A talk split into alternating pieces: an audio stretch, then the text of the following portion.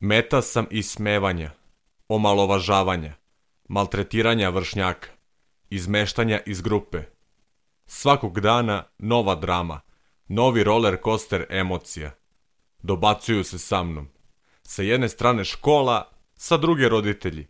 Niko ne razume kako se osjećam. Nemam sa kime da razgovaram i razbijem taj haos u glavi. Krenimo od validiranja iskustva koje nam osoba saopštava. Važno je da se najpre emocionalno postaramo za tu osobu, zatim utvrdimo činjenično stanje i kao treći korak preduzmemo konkretne radnje kako bi se osoba koja trpi nasilje zaštitila. Dobrodošli mi na predstavu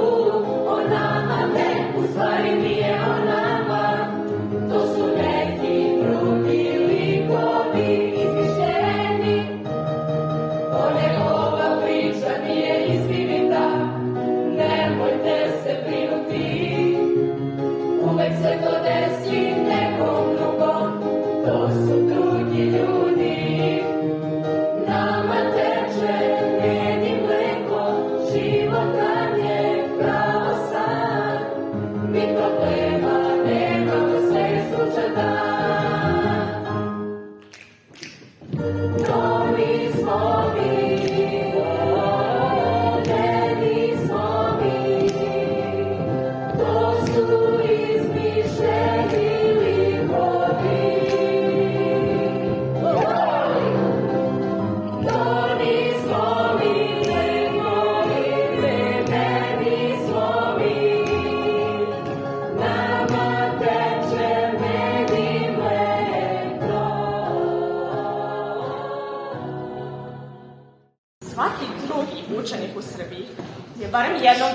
vršnjačko nasilje.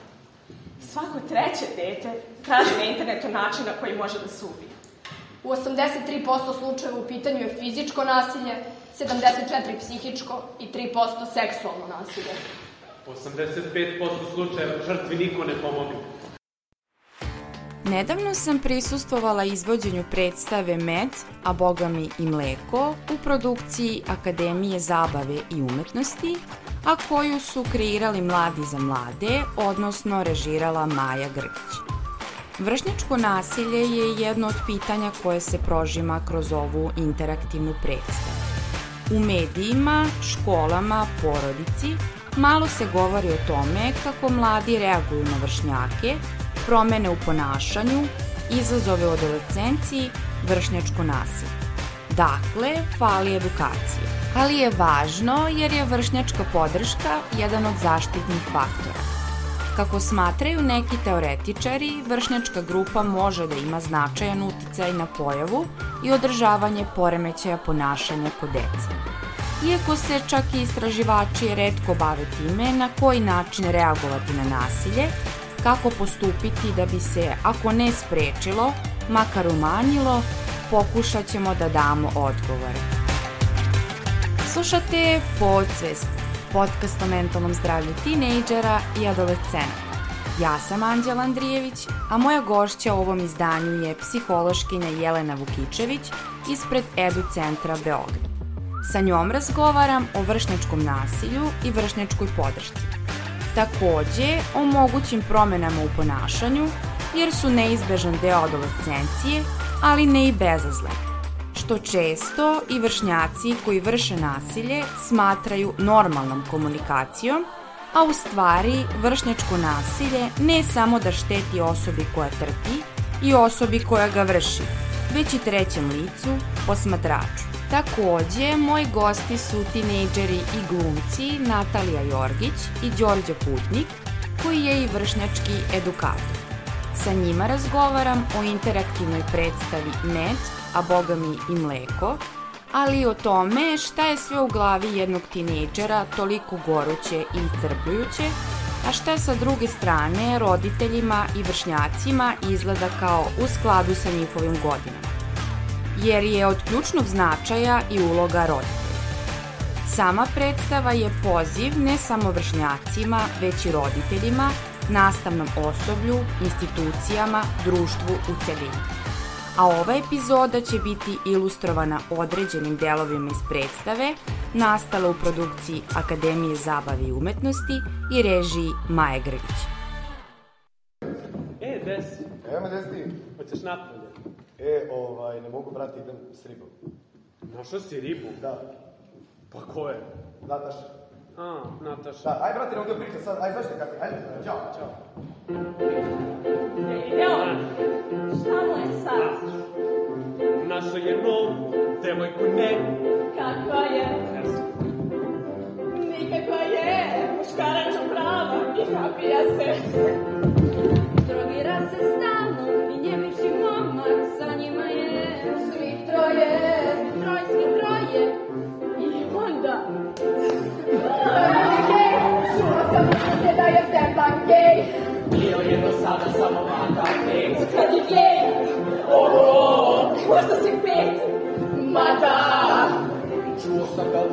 da,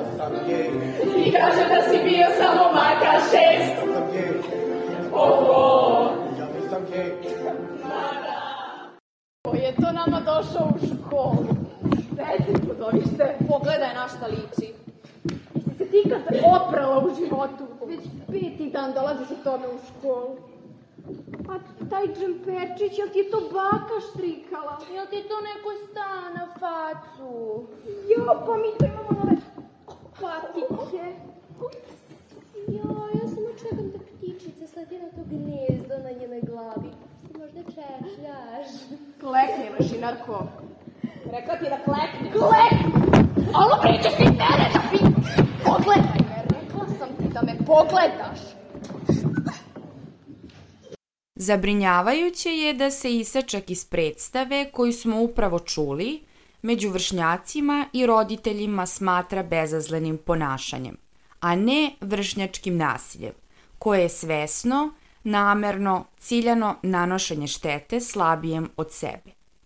Oblici nasilnog ponašanja koji su vrlo česti među tinejdžerima i adolescentima previđaju se i smatraju bezazlenim. Možda vršnjaci nisu svesni da nasilje nije samo taj najočigledniji oblik, fizičko nasilje, već i vređanje, ponižavanje, ogovaranje i smevanje. Psihološkinja Jelena Vukičević smatra da se verbalno nasilje javlja i pre ulaska u vršnjačku grupu, a onda se samo nastavlja na školskom uzrastu, kao i sledeći česti oblici nasilnog ponašanja. socijalno nasilje koje podrazumeva socijalno isključivanje, znači ignorisanje isključivanje deteta iz vršnjačke grupe, grupe drugare, širenje opet nekih tračeva ili prosto ogovaranje, okretanje jednog deteta protiv drugog deteta ili više dece protiv jednog deteta i tako dalje, psihološko nasilje koje ima koje u stvari e, se sadrži u nekom, nekoj vrsti zastrašivanja, ignorisanja, pasivne agresije, e, pretnji, pretećih pogleda, elektronsko ili digitalno nasilje je nešto što u stvari uzima primat čak i nad fizičkim nasiljem. Sve ono što negde se radi uživo, da li kroz to verbalno, psihološko, socijalno nasilje, sada se radi e, kroz znači, ono, pametne uređaje, internet. Ono što je posebno teško za ovu vrstu nasilja jeste činjenica što ono nikada ne prestaje. Dakle, sve ono što negde trpe u školi sada se nastavlja u tom virtualnom svetu. Žargonski rečeno fuš nasilje, a to je jedna tendencija među tinejdžerima, pa i decom, ali najviše tinejdžerima, da ovaj, vrednuju svoje vršnjake kroz materijalna dobra koja ovaj, poseduju i odnosno e, nekako diskvalifikovanje svojih vršnjaka kada ta neka materijalna dobra nemaju. Pa čak postoji neke aplikacije koje omogućavaju deci da proveravaju da li je neka stvar na ove, ili nešto što je u posjedu vršnjaka, da li je originalno. Deca su onda sklona da ismevaju tog drugara, odnosno tog vršnjaka, i da nekako čini da se osjeća manje vredni kao ljudsko biće. To vidimo najviše u po, po tom načinu na koji se upoznaju. To je da se češće pogleda u patike ili se prvo pogleda u patike. Ne postoji fotorobot tinejdžera i vršnjaka koji vrše nasilje, ali postoje rizik faktori i određene karakteristike deteta koji su skloni nasilju. Zatim vidljive promene u ponašanju. Nekada je faktor rizika nasilja modelovanje ponašanja koje dete usvaja u toku odrastanja u porodici i razvija pozitivan stav prema nasilju, u smislu da je to način da se rešavaju konflikti i taj model da je nasilje rešenje za zadovoljavanje potreba, želja. A često se dešava da na iskustvo nasilja koje sama trpe, tinejdžeri reaguju nasilničkim oblicima ponašanja. Psihološkinja Jelena objašnjava koje su promene u ponašanju prisutne i koji bi bili mogući razlozi za biranje nasilnog ponašanja, kako ona kaže, kao jednačine da se bilo šta tim ponašanjem razrešava u adolescenciji. Neka vrsta samozaštite, neka vrsta samozaštitnog mehanizma koje u momentu dete ima, odnosno, od druge strane, dete nema alternative, odnosno nema, ni, nikoga nije naučio koji su alternativni načini da se zaštiti, ne mislim samo od, od direktnog izloženosti nasilja od strane drugih, nego da se zaštiti od bilo čega što je za njega povredljivo, od toga da mu nisu zadovoljene sve potrebe, do toga da ima neku vrstu frustracije, nemoguće zadovoljavanja svojih želja, pa do toga da se možda osjeća negde nedovoljno sigurno u ulogama koje ima, da su to ulozi onog člana porodice ili ovamo đaka, ovaj, ili da je nekako sniženo samopouzdanje, ali ne zna koji su do, bolji načini da to svoje samopouzdanje izgrađuje, pa će između ostalog, mislim, ono, pre, preferirat će to neko nasilne oblike ponašanja kao vrstu neku dominacije, nametanja, jel, ili je tako silan, ili je tako snažan, ili je tako nikomu ništa tada ne može. Takođe možemo razmišljati o tome u, u koje meri su ta deca recimo na polju svog školovanja zadovoljni ili nisu zadovoljni svojim postignućima i integrisanosti u vršnjačku grupu, da ne mogu da postižu uspehe koje drugi vršnjaci postižu ili ne mogu da postignu uspehe koje očekuje nastavnik ili roditelj ili sami od sebe ovaj uspehe koji očekuju, opet negde mogu da nekako se osete kao odmetnici ili da stvarno postanu odmetnici, da se nekako pridruže ili da se priključe nekim grupama vršnjaka koji su ovaj, njima slični. U nekoj grupi vršnjaka, koja je potencijalno možda i rizična grupa, uslovi su im takvi da mogu da duže vreme ovaj, pokazuju neke oblike problematične, problematičnog ponašanja, pa između ostalog i nasilnog ponašanja. U poslednje vreme me sve više toga plaši. Najviše budućnost. Hoću da uspem, mislim, moram da uspem, ali sve je jako, jako teško. Jako mi je teško da se koncentrišem. Dešava mi se da pročitam cijelu stranu knjiga i da ne znam šta sam uopšte pročitala. Svi očekuju previše od mene, jer sam od uvek bila odlična učenica i imam jako puno medalja iz atletike. Sve se to pogušalo posle. Više ne želim da izlazim iz kuće. Ne želim da se družim sa ljudima i izgubila sam volju za apsolutno svim. Stvarno više ne znam šta će se desiti.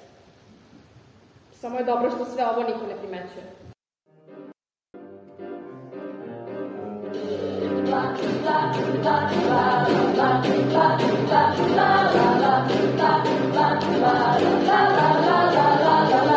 Hajde, diši, diši ti, moraš u životu uspeti, moraš prije mi položiti, prije mi moraš položiti, šta ćeš ako ne biti položila, da požuriti da ti si život osjeća, niko nije uspeo do škole nikad, vidjet ćeš šta je kad te stigne glad, hajde diši, diši, diši, diši sad,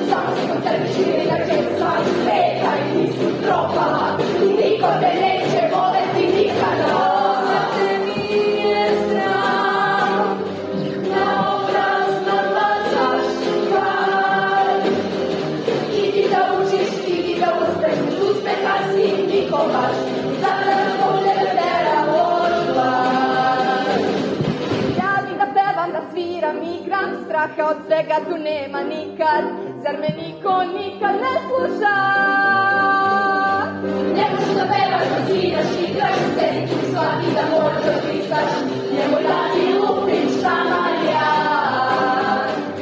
Nemoj samo da kukaš svima, to vređom glavom, uči malo, za budućnost svoju nas je strah.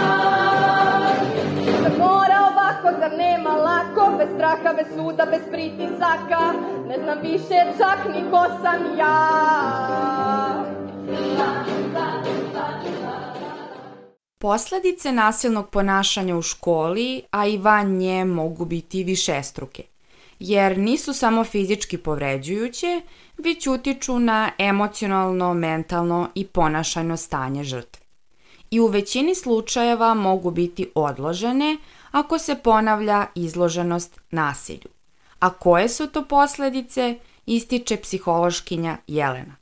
ovaj akutni distres, atak je na ličnost, na identitet, na integritet, na ove te neke lične granice, na ono što je to dete u tom momentu, na njegove kapacitete. E, dete može da ima i neku vrstu psihosomatskih reakcija ukoliko je ovaj, neko vreme već prođe da je izloženo nasilju, od, znači od to da se negde neki njegovi dnevni ritmovi poremete u spavanju, jelu, nekim navikama koje, koje tokom dana ima E, dolazi naravno do tog urušavanja te pozitivne slike o sebi, narušava se samopouzdanje, samopoštovanje, dovodi su pitanje sobstvena uloga u svemu tome, može se razviti osjećaj krivice, uh, usamljenost, strah, nekako sve to se povezuje i dete negde se može socijalno distancirati od svojih vršnjaka i da postane dakle da bude povučeno, ali opet neka druga deca mogu da razvijaju i neke problematične oblike ponašanja, odnosno poremeći u ponašanju, vam se to se misli na antisocijalne oblike ponašanja.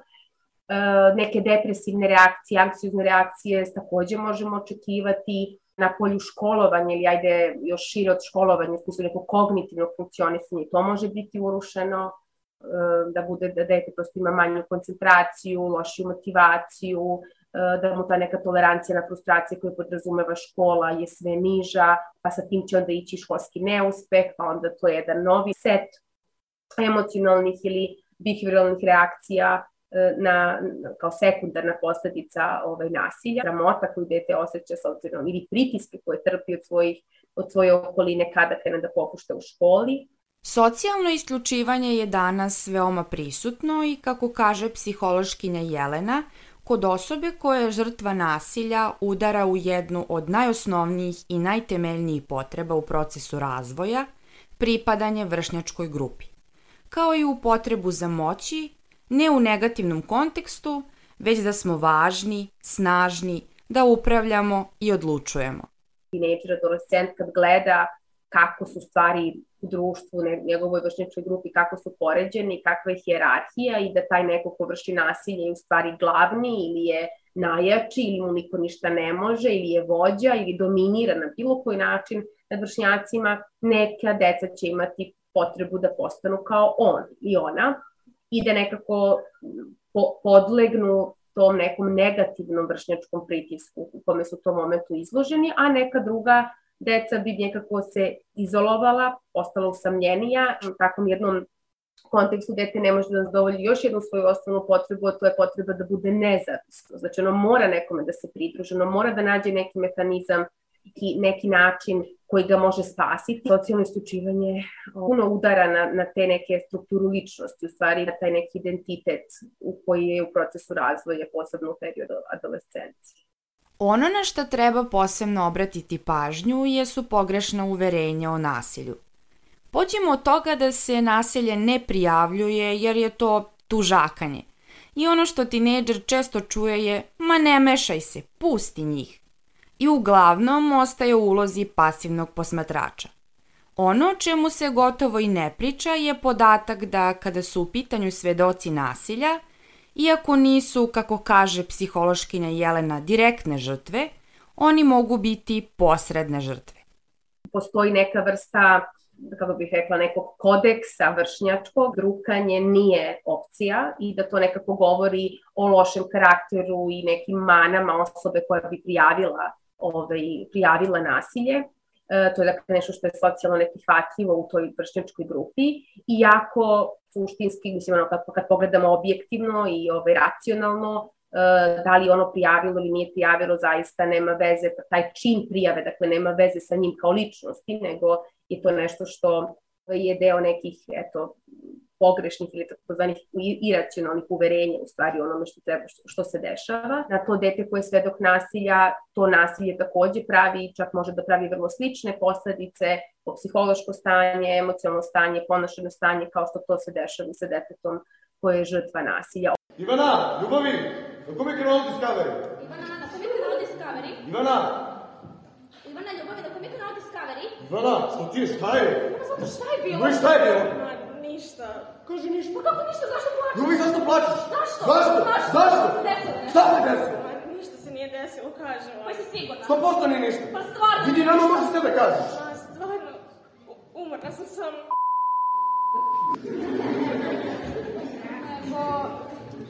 Kako je bilo u školi danas? Molim. Filipe, čekaj. Ovo je naša Ivana. Molim, gdje bre? Šta? Šta? Šta? Šta? Ivana, šta je ovo? Ovo je tebe ovo u školi. Da, zašto ti to radiš? Zašto se nam nisi Što nisi ništa uradila? Da se nikome nisi žalila. Kad se bre ovo desilo bre? Kako si uspela da baš tebe izaberu da tu? Pa jesmo ti rekli da se ne oblačiš tako za školu, viš šta se desi? Hoće ja to pišem neku borilačku Pa mašinu. što je makar nisi uradila? Kako si im dopustila to? Ja stvarno ne znam zašto ti nama ne bi rekla za ovo. Pa Ivana! Kroz ovu ilustraciju iz predstave vidimo jedan od problema i nesklada u odnosu roditelja i dece i samog ponašanja roditelja. Roditelji često svojim umanjivanjem i previđanjem nasilnog ponašanja tinejdžera i adolescenata upadaju u zamku i šalju zbunjujuću poruku da je taj neki oblik ponašanja ok ili normalan za razvojnu fazu. Osobe koje trpe nasilje etiketiraju se kao krive ili dobijaju komentare poput ma za nasilje je potrebno dvoje. Ovaj isečak iz predstave bih povezala sa sledećim mitovima koje psihološkinja Jelena razbija i ukazuje na najčešće greške i propuste roditelja i drugih odraslih u okruženju tinejdžera. Rješenje za nasilje je kažnjavanje. Deca koje pokazuju problematične oblike ponašanja, njima ne treba kazna, njima treba u stvari pozitivan pristup, treba im sagledavanje njih kao dece ili mladih iza ponašanja, treba prepoznavanje njihovih nezadovoljenih potreba, želja, tih nekih ne, nedozrelosti na emocionalnom planu, na planu socijalnih veština i tu ih negde jačati i ići sa pretpostavkom da je dete u stvari dobra osoba, a da to loše ponašanje je samo nešto što je u stvari rezultat neadekvatnih alternativa. Znači, ponašanje i osoba nije isto. Dete je dobro i prihvatamo ga kako jeste, a ponašanje je to koje je loše i na njemu radimo. Nasilje rađa nasilje, jer je genetsko i ne može se iskorijeniti. Kroz praksu isto rade sa njima kada kaže on je isti kao pa sad neko iz, iz familije, nekako ograničavaju detetu mogućnost da se promeni, nekako i ne veruju u stvari da njihovo dete može da promeni svoje ovaj, problematične oblike ponašanja. Sve je to ponijela iz kuće. Eto šta ih uče u školi.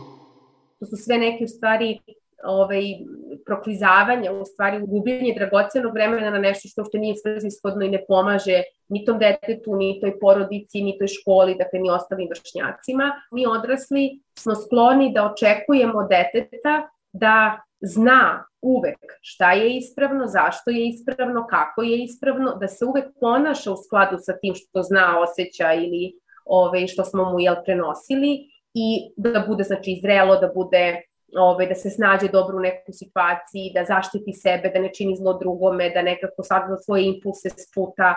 Puno nekih očekivanja imamo, nije problem u tom racionalnom delu, problem nastaju na njegovom emocionalnom polju. To i dalje nisu dovoljno emocionalno sazrele osobe da mogu da iskontrolišu svoje impulse, svoje frustracije, svoje nezadovoljstva, svoje neprijatne emocije i oni će onda nekako mogu imati ta ekscesna dakle, ponašanja. Hajde da zamislimo šta sve prolazi kroz tinejdžerovu glavu i da se za trenutak zapitamo. Na koje vrata da pokucaju tinejdžeri kada nedostaje adekvatna podrška roditelja i školskog osoblja? Ono na šta teoretičari skreću pažnju u konstruktivnom reagovanju na nasilje je vršnjačka podrška. A šta vršnjaci rade povodom toga? Kao jedan od koraka ka prevenciji, grupa tinejdžera sa Akademije zabave i umetnosti u Novom Sadu kreirala je predstavu Med, a bogami i mleko. Sa tinejdžerima i akterima ove predstave, Đorđem Putnikom i Natalijom Jorgić, razgovarala sam o motivaciji i porukama koje šalju ovom predstavom. Pored glume, ono što je okupilo mlade aktere jeste vršnjački aktivizam, vršnjačka podrška i interesovanje za teme emocionalnog i mentalnog zdravlja. Tinejdžerka Natalija Jorgić kaže Cela predstava govori o dosta problema s kojima se tinejdžeri susreću i iako naravno ima i pesama i svega, šalje se ozbiljna poruka i profesorima i učiteljima i roditeljima i tinejdžerima svima, skretanje pažnje na neke probleme koji su možda utihnuli, o kojima se ne priča toliko, i koji se ne rešavaju i opcija da se aktiviramo na te teme i da reš, rešavamo neke probleme uh, koji su generacijski prisutni svugde. A zašto je važno da pogledamo interaktivnu predstavu Med, a bogami i mleko, ističe nam Natalija Jorgić. Trebaju ljudi da pogledaju kako bi možda shvatili koliko to nas dotiče i koliko neki od tih problema zapravo nisu mali problemi i da pokušamo svi da ili ih rešimo ili umanjimo, pošto ima roditelja koji ne mogu da razumeju neke naše probleme, da ne mora to biti konstantno razumevanje, već tolerancija, ovaj, da jednostavno hvate kao aha, on, ona ima taj problem. Možda ga ja lično ne razumem, ali se čini da je to problem toj osobi. Mislim da se treba što više probuditi svest o tome da bi se nešto promenilo. Tinejdžeri, jedan od glumaca ove predstave, Đorđe Putnik, objašnjava zašto je postao vršnjački edukator. Želja da pomognem nekom da razume sebe me možda navela uh, M na predstavu, M da završim edukaciju za tog vršnjačkog edukatora. Mislim da mi pokušavamo da maksimalno, zavisi ko dođe da gleda, ali pokušamo da pošaljemo da damo opciju, da damo ideju, a sad do publike je da oni shvate tu opciju crta ideju na svoj način i da iskoriste um, možda tu pomoć, ponovo kad zavisi kako shvate predstavu, ali ja mislim da širimo ideju o svesnosti mladih i starijih i generalno sad nas uh, o problemima M mladih, M roditelja i kako su možda potencijalno rešivi. Treba mi razgovor, ali ne želim da to bude sa roditeljima. Probala sam par puta da pričam s njima o tome, ali su oni bili u fazonu makrovaciće, to su samo hormoni. Vidim da se drugi ne osjećaju kao ja, pa me je malo sramota da pričam o tome. Nema motivacije, apsolutno ni za šta. Samo bi da ležim u krevetu i ništa. Najbolje je kad spavam. Tako se osjećam dobro. U stvari, mislim da mi je najbitnije da ostali ne primete koliko sam zapravo tužna. Kada bih samo znala da se još neko ovako osjeća. Ili kada bih imala s kim da pričam. Vršnjački edukator Đorđe Putnik smatra da roditelj treba biti veliko uvo koje treba da sasluša tinejdžera i da da opciju kako bi rešio problem. A kako je još moguće postupiti kada se tinejdžer nađe u ovakvim ili sličnim situacijama, objašnjava nam Đorđe. Ja bih se prvobitno obratio nekom svojem prijatelju koji je takođe vršnjački edukator i onda bi M dao njemu posao, M bi ja pomogao sebi stručnije i lakše. Naravno, nemaju svi tu opciju, niti imaju svi opciju dobrih ili uopšte roditelja. Um, tako da bih stvarno imao ili pokušao da imam stalno uz sebe nekom kome stvarno verujem i ko me stvarno razume, a da je, na primjer, vršnjak. Ali moja uloga kao vršnjački edukator je da vidim problem, pokušam da i pomognem toj osobi, prikupim te određene informacije koje smo sakupili od te osobe koja je u distresu um, našoj osobi od poverenja, ta osoba od poverenja i takođe te informacije šalje dalje u potencijalno neke besplatne um, psihološke pomoći u gradu i onda ja dobijem kontakt i prosledim taj kontakt toj određenoj osobi. Um, postoje razne pomoći uh, i postoji celo sazvežđe, to je kao sklop više tih organizacija i određeni problem te osobe koja je u distresu dolazi do psihologa ili nekog stručnijeg od nas. Na nasilje, bilo da su u pitanju žrtve, počinioci i svedoci, treba pravovremeno i pre svega reagovati u smislu pružanja podrške, saosećajnosti, pomoći, razumevanja, podučavanja nekim alternativnim načinima za nošenje sa tim iskustvom ili alternativnim načinima da u budućnosti razrešavaju probleme koje imaju pred sobom. U suprotnom, kako je psihološkinja Jelena Vukičević objasnila, tinejdžeri i adolescenti ostaju u stvari bez niza životnih i komunikacijskih veština, sposobnosti asertivne komunikacije, onemogućava im se razvoj, otpornost. Ono što je dobra preporuka jeste konsultovanje roditelja sa stručnom psihološkom pedagoškom službom, školskom službom kako bi deci pomogli u resocijalizaciji i prevenciji promena u ponašanju. Iako možda deluje nemoguće jer su obrazovni sistem, državni sistem, odnosi u porodici često kamen spoticanja u prevenciji nasilja, neophodno je na nivou države i viših instanci stvoriti atmosferu nulte tolerancije na nasilje i propagirati načine prevencije na svim nivoima funkcionisanja. Slušali ste Podsvest. Moje ime je Anđela Andrijević. U ovom izdanju sa psihološkinjom Jelenom Vukičević ispred Edu centra razgovarala sam o najvažnijim karakteristikama i preventivnim aspektima vršnjačkog nasilja i konstruktivnoj ulozi vršnjačke podrške. Ono što smo ovom epizodom naučili je da prijavljivanje nasilja nije tužakanje i čin otpadništva iz grupe, već nužan korak ka prevenciji i da je izuzetno važno da se edukuju roditelji na koji način pristupiti tinejdžerima i adolescentima kako bi im preneli alternativne načine zadovoljavanja potreba ili nesigurnosti zbog kojih se može desiti da ispoljavaju nasilno ponašanje. Dakle, i kod kuće i u školi edukovati i jačati pozitivne aspekte ponašanja kod dece, nuditi im alternative, podučavati ih socijalnim veštinama, veštinama nenasilnog rešavanja konflikta.